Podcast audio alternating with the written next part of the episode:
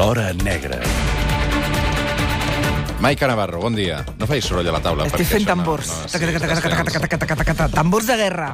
Bueno, Això sí que és bèl·lic. Per, per guerra la que m'has donat aquest matí, que em pensava que no arribaves, ja patia. Estava girant Per l'escaleta què ja... patiu tant? Perquè arriba justa. arriba justa i, i, i esbufegant, i dic, ara tindré aquí 20 minuts, no sabré com omplir. Ma mare ara s'està descollonant de la Per- risa, segurament. perquè se- sempre arribes tard, no? estàs- No. A veure... Mm, No tard, però fas patir el personal. Faig patir molt, però us t'ho prometo, Tu ets la típica que eh, prometo- quan, quan o has sigui, jo d'agafar un avió ets l'últim a embarcar. tal qual. Ja. O sigui, jo, a haver un, un temps que agafava un, l'AVE cada setmana diverses vegades. Doncs jo tenia els caps de, els caps de, de tren, o sigui, el cap de les, el, el, com es diu, el, el, el, interventor, revisor, el sí. revisor, l'interventor de l'AVE, que era per favor, Maica, és que no puc... O sigui, ja em veia, va, que falta la Maica, i era, i ja, Mm. ja perquè els coneixes, no? I era, i, bueno, al, al, al pont aeri arribo, entro l'última, sí, sí. Però és però no sé, o sigui... Genètic. Ma, ma, ma, no, no, no, no, no, no, no, genètic no. La mare i el pare són superpuntuals, a casa meva els meus germans, i jo tam... O sigui, jo, jo acabo arribant, Sí, clar, però ja. m'enredo fent... A, A jo m'he aixecat a les 8. Ah. I m'he enredat fent, mm, jo què sé, i, i, i mira, i després estic amb la moto i penso, hosti, és que no em puc saltar semàfors. No, això no. No, no, no puc anar amb més de 50 per la diagonal perquè m'aturarà finalment la Guàrdia Urbana i hauré d'explicar que ells d'entrar en directe i, Sí. pot, i no s'apiadaran de mi.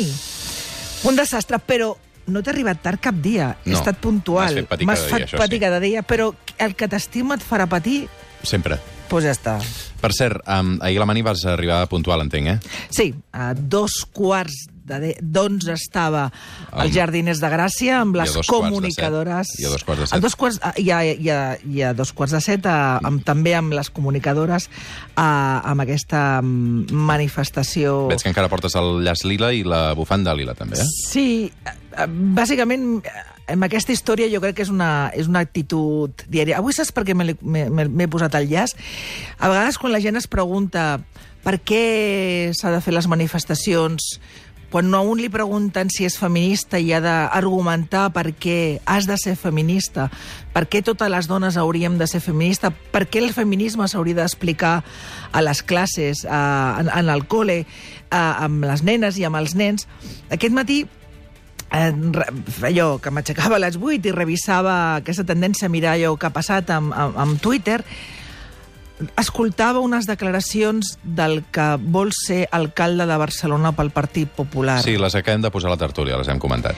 Doncs sí, sí. quan escoltes coses com aquestes, argumentacions com aquestes, aleshores entens i, i, i ja no cal dir gaire cosa més. Per, per, per coses com aquestes, per declaracions com aquestes del senyor Bou, que a més a més segurament intentava ser políticament correcte. Sí, però no se'n va sortir, ho hem comentat, eh? Vull no, dir no, no perquè allò que pensa segurament és, és, és molt pitjor i m'agradaria saber en quines condicions laborals treballen les dones de la seu, dels seus forts de pa, doncs per coses com aquestes i mil coses que, que, que veus i sentes al teu costat cada dia, doncs has de ser feminista.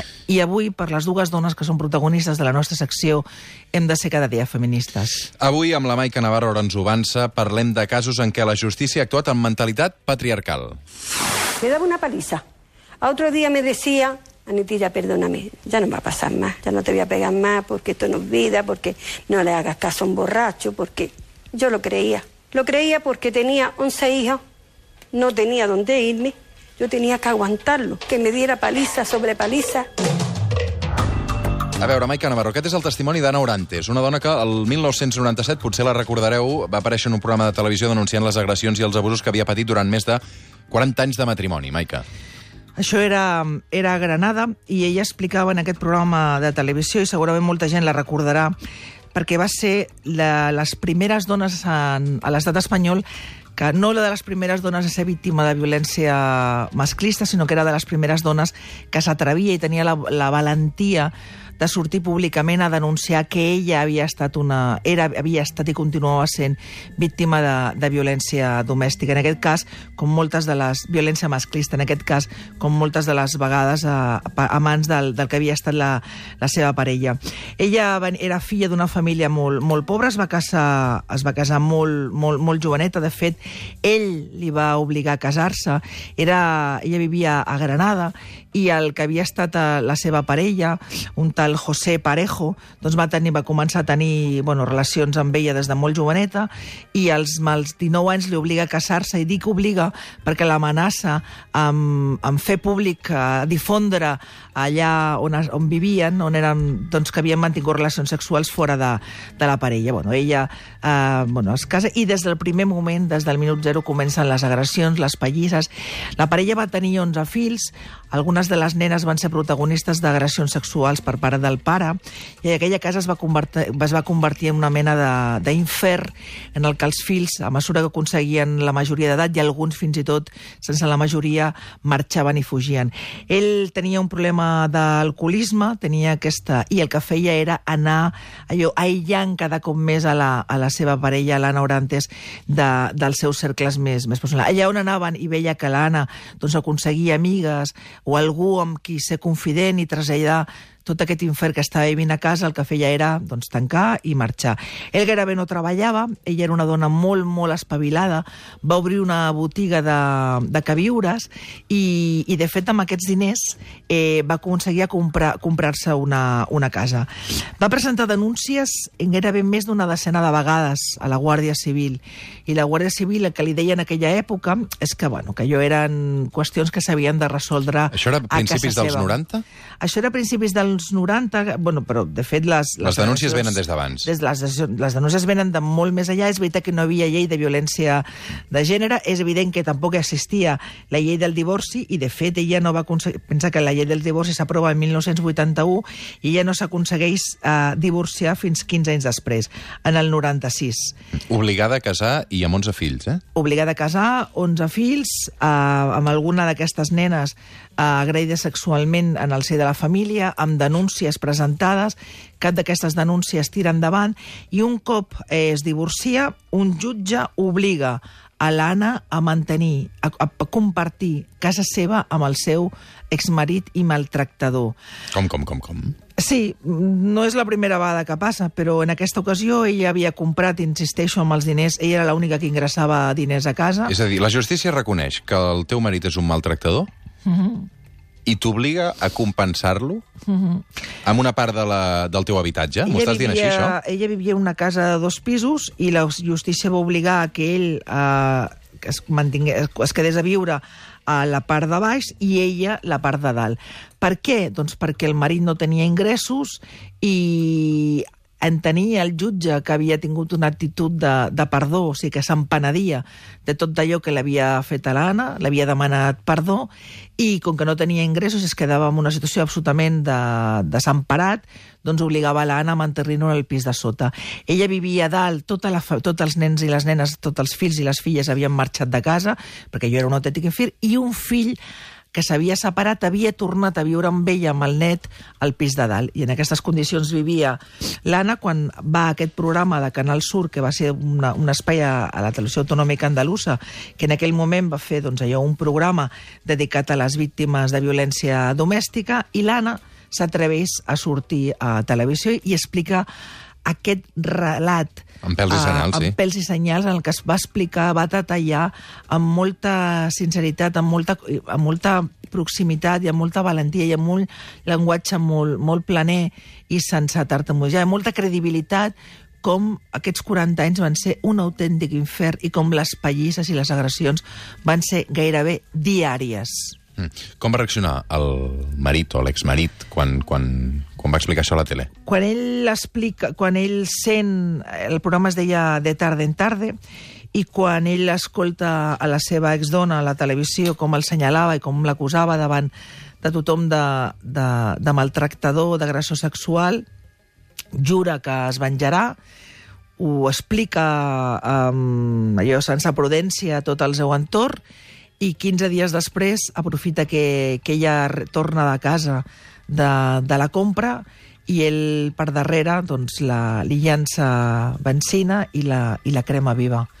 La Laborantes va, va morir amb, doncs, amb, doncs, cremada viva pel seu, pel seu exmarit, que poc després, quan es va... O sigui, no, no la va... Tot i els crits d'ella, doncs no la va socórrer, va presenciar com ella es moria amb, amb un dolor absolutament insuportable i quan va constatar que estava morta se'n va anar a la Guàrdia Civil i va explicar que acabava de matar, mm. assassinar a la seva, a la seva parella. Què va fer la justícia en aquest cas? Bueno, el van, el va condemn, el van condemnar el, el, el van condemnar, va ser a 17 anys de... El van condemnar a 17 anys de presó per, per assassinat. Un cas com aquest, que va ser, de més a més, tan mediàtic i amb un final tan tràgic i tan repugnant com aquest, um, això suposo que devia mobilitzar la societat, no? Això va provocar... Jo que eh, aquell cas de la Norantes va, va, va provocar uh, tenir la consciència d'allò que estava passant uh, a l'interior de les cases de moltes, de moltes famílies. Moltes dones, quan van sentir a la Norantes, que era una com ella, que s'atrevia a explicar-ho amb aquesta valentia, es van veure identificades amb el seu relat i van saber per primera vegada que no eren les úniques que estaven patint aquest infern. Algunes es van atrevir a denunciar, tot i que és veritat que el de Sant Llàs aquest, que era premonitori amb tot allò que després va, va, va anar passant, que és aquesta actitud d'alguns homes de, de que el que acaben assassinant a les seves parelles o parelles, doncs, bueno, doncs va, va, jo crec que va ser l'escletxa per la que moltes van, van veure la llum i es van atrevir a denunciar. Però van passar molts i molts i molts i molts anys i encara queda molt per fer perquè la justícia i el sistema judicial i policial tingui empari aquestes dones que són a dia d'avui encara víctimes de, de, de la violència masclista perquè ni les, se les protegeix No, no, és que de fet, eh, repassant els diaris també de l'època, um, quan va haver-hi aquest cas, uh, el llavors eh, vicepresident del govern espanyol, el Francisco Álvarez Cascos, que va mm. parlar d'un cas aïllat. Efectivament. Sí, de fet, eh, ell va dir que, doncs, que era un, un cas aïllat, però evidentment aïllat era el fet de que una dona s'atrevís a denunciar públicament allò que havia estat ah. patint durant tants anys. Perquè, de fet, quan el jutge els obliga a separar-se, eh, o sigui, quan ell aconsegueix el divorci però el jutge els obliga a mantenir-se vivint a la mateixa casa, això va provocar que les, les, els maltractaments continuessin. És a dir, estaven divorciats, ja no hi havia cap relació sentimental ni familiar, però el fet de tenir-la en el pis de dalt doncs, provocava que cada cop que ell bevia doncs, l'esperava i, i, la, i la pallissava. Uh, després doncs, va, va, va acabar amb, aquesta, amb aquest assassinat, amb aquesta crueltat.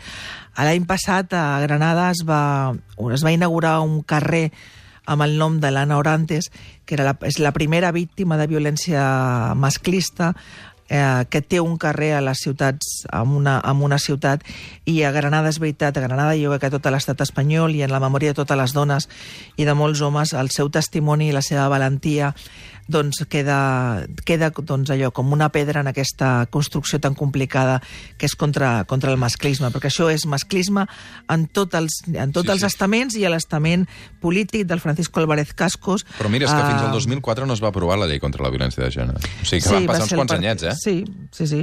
Zapatero, uh, no? I de les primeres mesures. Va ser les primeres mesures del, del Zapatero, 2004, i hem de recordar que ara estem al 2019 i hi ha partits polítics que, que intenten, que segurament aconseguiran una important representació a les properes eleccions, que la volen derogar, i d'altres partits que no la volen derogar, però que pacten amb aquest partit que la, que la volen derogar.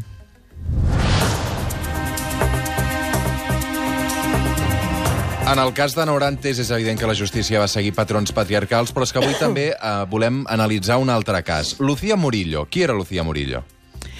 La Lucía Murillo és una, és una dona amb els ulls blaus més macos, perquè tot el mar està allà dins i que, diu una, i que té una, una transparència i una mirada neta que a mi, des del primer dia que la vaig conèixer, em té absolutament enamorada. És una dona molt, molt i molt i molt, molt valenta, que a l'octubre del 2002 havia sortit de la seva feina i estava esperant que un company de la feina la portés a casa quan un individu, un depredador sexual, eh, el Tomàs Pardo, de 28 anys, la va saltar per darrere, la va segrestar i se la va, se la va endur i on la va, on la va agredir sexualment durant la va segrestar i la va agredir sexualment durant diverses hores.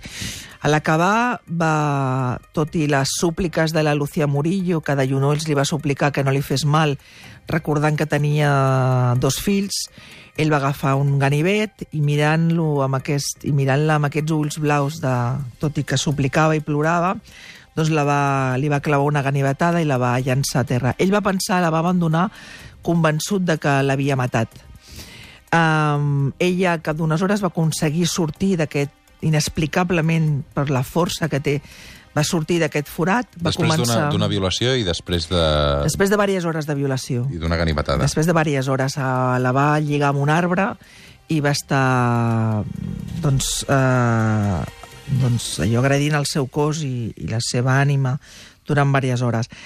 Ella va, mig despullada, ensagnonada, va començar a caminar per una carretera on diferents homes se li van... diferents vehicles, no sé si estaven conduïts per homes o per dones, però li fèiem llums i, va trigar 20 minuts caminant despullada, amb sant, per, aquest, per el vorall d'aquesta carretera ningú es va aturar.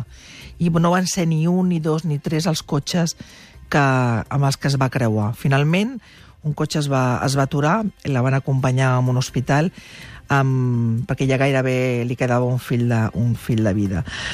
Per la... Havia hagut una agressió molt similar a unes setmanes abans i finalment va ser la Guàrdia Civil que va aconseguir detenir el, el Tomàs Pardo. Tenia 28 anys i mm, va estar dos anys en pressió preventiva i per un error de la justícia, que, no es, que es van oblidar de, de prollogar la seva presó preventiva de cara al judici, es va decidir la seva llibertat. En aquell moment, dos anys després, la Lucía Murillo va, va veure, perquè va anar a veure el jutge que havia demanat, que havia assignat la seva llibertat, suplicant-lo que aquest home era, eh, que ella l'havia vist als ulls i que ella havia patit la seva violència i que, per tant, havia de, havia de continuar empresonat fins al dia del judici, perquè, a més a més, vivien en la mateixa localitat i ella tenia por i tornava a patir les mateixes malsomnis d'aquell dia i que tenia por i, i li va dir que no, que, que no, que s'esperés el judici. Ella va considerar que la millor manera d'estar protegida era denunciar als mitjans de comunicació que havia passat. I per això hi ha el relat, el testimoni de Lucía Murillo, i com en aquell judici ell anava caminant de la mà de la seva, de que en aquell moment era la seva nòvia, cada dia a l'audiència pel judici. A l'audiència, durant aquest judici, la Lucía Murillo va haver de suportar com el que era l'advocat del Tomàs Pardo li preguntés que s'havia disfrutat i havia gaudit durant l'agressió, si no podia entendre que els instints masculins d'un home jove davant d'una dona tan guapa i tan atractiva com ella, totes aquestes preguntes i intervencions en cap moment van, van provocar una amonestació per part del jutge que va deixar que la sessió continués sense, amb, aquest, amb aquest to absolutament doncs, masclista, de violència, de revictimització. La Lucía Murillo va anar diverses vegades més a veure el jutge, el Pedro Martina, al seu despatx, i ell li va arribar a dir en algun moment que havia de tenir capacitat de perdó, que el Tomàs Pardo era un bon noi, que ell havia comprovat com havia refet la seva vida, que per això hi havia una dona que l'acompanyava cada dia a l'audiència, però que l'havia de, que havia d'entendre que el perdó existia i que l'havia de perdonar. El Tomàs Pardo va ser condemnat finalment, com altres violadors a la presó va tindre un comportament exemplar Mm -hmm. i va començar a aconseguir permisos penitenciaris. El deixaven sortir. Sí, eh, quan va aconseguir permisos penitenciaris en el moment en què, en què bueno, s'havia complert la més a la meitat de la seva condemna, tenia un bon comportament, va aconseguir bons expedients i és veritat que la Lucía, els Mossos d'Esquadra l'alertaven cada cop que ell sortia en llibertat, però clar, el Tomàs Pardo, quan tenia, sortia en llibertat, se n'anava a casa la seva mare, que vivia a quatre carrers de la Lucía. Què va passar l'any 2016? Doncs el 2016, en un, en un d'aquests permisos penitenciaris, eh, ell marxa de casa a la seva mare i torna al mateix indret on havia saltat a la Lucía Murillo i assalta amb una altra dona. Una altra dona que se n'anava, havia quedat amb un amic per anar-se a la muntanya a passejar, l'assalta, i amb un modus operandi absolutament idèntic al de la Lucía, l'agafa, l'assalta, la segresta, la porta a la muntanya, abusa, l'agraeix sexualment, i amb aquesta també l'agredeix amb una arma blanca, i aquesta vegada no és amb un terraplén, sinó amb, un, amb una zona boscosa. Se, se, se, se n'en cuida de que la distància on la llança és bastant més gran i, i gràcies a que anava a la muntanya portava un localitzador i havia parlat amb el seu amic que l'esperava i que no l'estranyava que no tornés, els bombers moltes hores després la van poder rescatar en unes condicions bastant deplorables. On és Tomàs Pardo ara? Al cap d'uns dies d'una una recerca desesperada, es va, i molt per tot el país, es va detenir, està detingut i precisament el dilluns de la setmana que ve serà el judici per aquesta última agressió. I en el cas de Lucía Murillo? Lucía Murillo Uh, Lucía Murillo, cada cop que hi ha un, es parla del... Tom, Tom, Lucía Murillo no ha tornat a encendre la televisió ni la ràdio des de que el Tomàs Pardo va tornar a quedar en llibertat per permisos i va cometre aquesta agressió. Um, continua mantenint els mateixos ulls blaus preciosos i la mateixa valentia i és una víctima amb què l'administració no va ajudar gens en el seu moment perquè tot el, tot el sistema psicològic i psiquiàtric que necessita per, revis, per reviure tota la revictimització que va patir després no només del seu agressor sexual, s'ho ha hagut de pagar perquè la Seguretat Social no l'emparava. Maica Navarro, moltes gràcies. A tu. A tres minuts per arribar a dos quarts d'una del migdia. Fem una pausa i no us perdeu el que vindrà ara. Fins ara.